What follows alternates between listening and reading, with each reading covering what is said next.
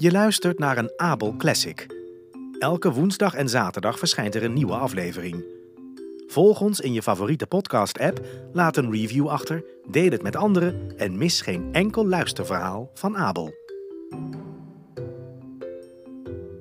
De Berenschat. Voorgelezen door Louis van Beek. Er was eens een man die in een knus huisje in het bos woonde. De man had twee dochters, Bianca en Rosa. Het waren gelukkige, drukke en vrolijke meiden. Rosa was erg sportief en hield ervan om in de weiden en velden rond te rennen en vlinders te vangen. En Bianca zat het liefst thuis, las boeken en hielp haar vader met koken en breien. De twee meiden waren zo dol op elkaar dat ze altijd elkaars hand vasthielden als ze naar buiten gingen. En als Bianca zei: We blijven altijd bij elkaar, antwoordde Rosa: Voor ons hele leven. En hun vader voegde eraan toe: Wat de een heeft, moet ze met de ander delen. Op een koude winteravond, toen het buiten sneeuwde, zei de vader: Bianca, doe je even de deur op slot? Daarna zaten ze gezellig rond de open haard en de vader pakte zijn bril en las voor uit een groot boek. En de twee meiden luisterden ademloos naar het verhaal. Plotseling klonk er een hard geklop aan de deur. De vader zei: Doe maar open, Rosa. Het is vast een reiziger die hier wil overnachten. Rosa haalde de deur van het slot, maar toen ze de deur opendeed, zag ze dat het geen reiziger was, maar een jonge beer die zijn zwarte kop door de opening stak. Rosa gilde en sprong achteruit en Bianca verstopte zich achter de bank. Maar de beer zei: Niet bang zijn, ik doe jullie geen kwaad. Ik heb het alleen zo koud. Mijn vacht is helemaal bevroren. Ik hoopte dat ik even bij jullie vuur mocht opwarmen. O, arme beer, zei de vader, kom maar, ga bij het vuur liggen, maar pas op dat je je vacht niet verbrandt. Toen riep hij: Bianca, Rosa, Jullie kunnen weer tevoorschijn komen. De beer zal jullie geen kwaad doen. Hij bedoelt het goed. Dus kwamen de zusjes weer tevoorschijn. De beer zei: Meiden, mag ik jullie vragen om de sneeuw een beetje uit mijn vacht te kloppen? En dus pakte ze de bezem en veegde de vacht van de beer schoon. Hij strekte zich uit bij het vuur en gromde tevreden. Het duurde niet lang voordat de meiden zich comfortabel begonnen te voelen. Ze trokken aan de vacht van de beer, zetten hun voeten op zijn rug en rolden hem om. En als hij gromde, lachten ze. Maar de beer vond het allemaal prima. Alleen toen ze te ruw waren, lachte hij: Genade, genade! Toen het bedtijd was en de meiden naar bed gingen, zei de vader tegen de beer: Slaap vannacht lekker hier, bij de haard. Dan ben je warm en veilig. De volgende ochtend lieten de twee meiden hem naar buiten en hij hupste vrolijk door de sneeuw terug het bos in. In de weken die volgden kwam de beer elke avond op dezelfde tijd, ging liggen bij de haard en grapte en stoeide met de meiden. En ze raakten zo aan hem gewend dat de deur nooit op slot ging, totdat hun berenvriend was gearriveerd. Toen het weer wat warmer werd en de sneeuw begon te smelten, zei de beer op een ochtend tegen de zussen: Helaas moet ik weg. Waar ga je dan heen, beer? vroeg Bianca. Ik moet terug het bos in, antwoordde de beer. Ik moet mijn schatten bewaken tegen de gemene kabouters. Als het sneeuwt en vriest, is mijn verstopplaats helemaal bevroren en kunnen ze er niet bij. Maar nu het weer dooit, kunnen ze het wel vinden en zullen ze alles proberen te stelen. Bianca en Rosa vonden het heel jammer dat hij wegging. Ze zwaaiden hem uit en al snel was hij tussen de bomen verdwenen. Een paar dagen later stuurde de vader de meiden naar het bos om hout te halen. Naast een omgevallen boom zagen ze iets op en neer springen, maar ze konden niet zien wat het was. Toen ze dichterbij kwamen, zagen ze dat het een kabouter was met een sneeuwwitte baard van een meter lang. Het uiteinde van zijn baard zat vast onder de boom en de kabouter sprong uit frustratie op en neer. Toen hij de meiden zag, riep hij: hey, hallo, wat kijken jullie? Wat ben je aan het doen? vroeg Rosa.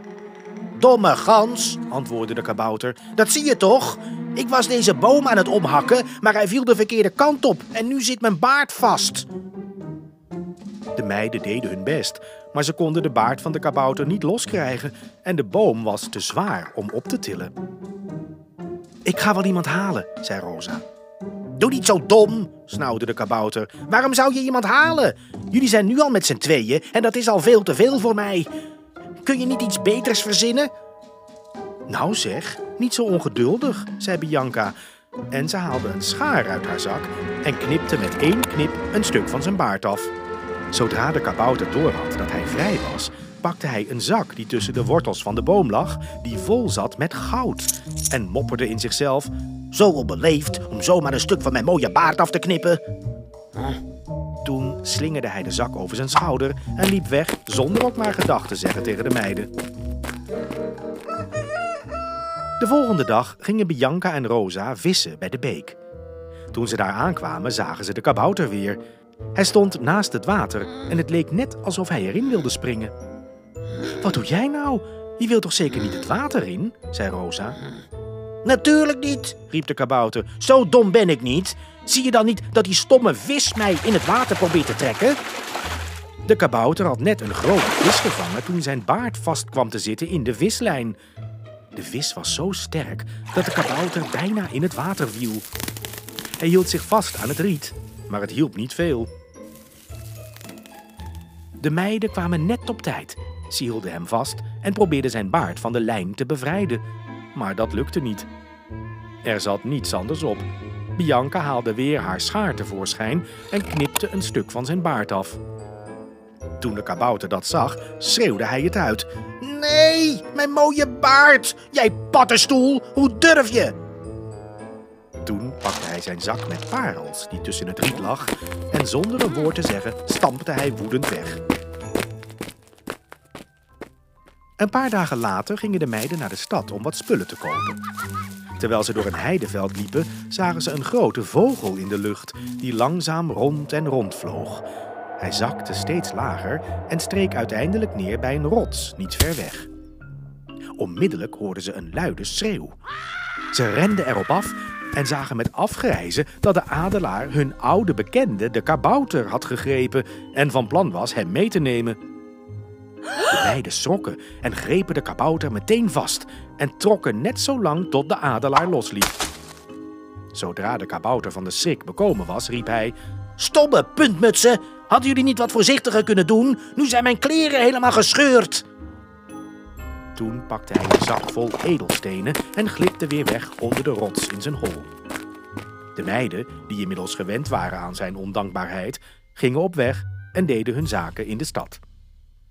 Toen ze op weg naar huis de heide weer overstaken, zagen ze dat de kabouter een paar edelstenen was vergeten. Ze bukten om ze op te rapen toen de kabouter tevoorschijn kwam. Wat zijn jullie aan het doen? riep de kabouter en zijn gezicht werd rood van woede. Toen klonk er een luid gegrom uit het bos en kwam er een beer uit het bos aangerend. De kabouter sprong op van schrik en rende terug naar zijn hol, maar hij was te laat. De beer was al dichtbij. De kabouter riep bang. Beste meneer Beer, spaar me alstublieft. Ik zal je al mijn schatten geven. Mijn goud, mijn juwelen, alles. Als u me maar niet opeet. Ik ben maar klein en dun. Ik ben niet eens een snack voor u. Maar ziet u die twee meiden? Die zijn vast veel smakelijker dan ik. Alstublieft, eet hen op, meneer Beer. De beer negeerde de kabouter, maar pakte wel de zakken met goud, parels en edelstenen. Deze schatten heb je van mij gestolen, gemene kabouter, zei de beer. Ondertussen waren de meiden weggerend, maar de beer riep: Bianca, Rosa, wacht op mij. Ik ben het. Herkennen jullie me niet meer? En inderdaad, toen ze zijn stem hoorden, wisten de zussen het weer. Het was hun berenvriend. Dank jullie wel, lieve meiden. Dankzij jullie heb ik mijn schatten weer terug, zei de beer. En ze omhelsden elkaar. Wij hadden geen idee dat die kabouter dat allemaal gestolen had. Je bent vast blij dat je al je spullen weer terug hebt, zei Bianca. Maar de beer moest lachen. Haha, nee hoor, dit goud en deze parels en de edelstenen zijn allemaal nep. Die heb ik alleen in mijn hol liggen, zodat de kabouters de echte schat niet stelen. Oh, zei Rosa, wat is dan de echte schat? De beer haalde een zak met kastanjes tevoorschijn. Deze kastanjes zijn voor mijn broer. Hij is deze winter op vakantie. Maar als hij terugkomt, wil ik hem verrassen. Kastanjes zijn zijn lievelingseten. De meiden waren blij voor de beer. Ik hoop dat je broer snel terugkomt, zei Bianca. Volgende winter moeten jullie allebei maar bij ons blijven. En de volgende winter en alle winters daarna verbleven de berenbroers bij de zusjes Rosa en Bianca. Ze werden de beste vrienden en aten samen heel veel kastanjes. Einde. Dit verhaal werd voorgelezen door Louis van Beek. Bedankt voor het luisteren naar een Abel Classic. Elke woensdag en zaterdag verschijnt er een nieuwe aflevering. Volg ons in je favoriete podcast-app en mis geen enkel luisterverhaal van Abel. Tijd voor audio, tijd voor Abel.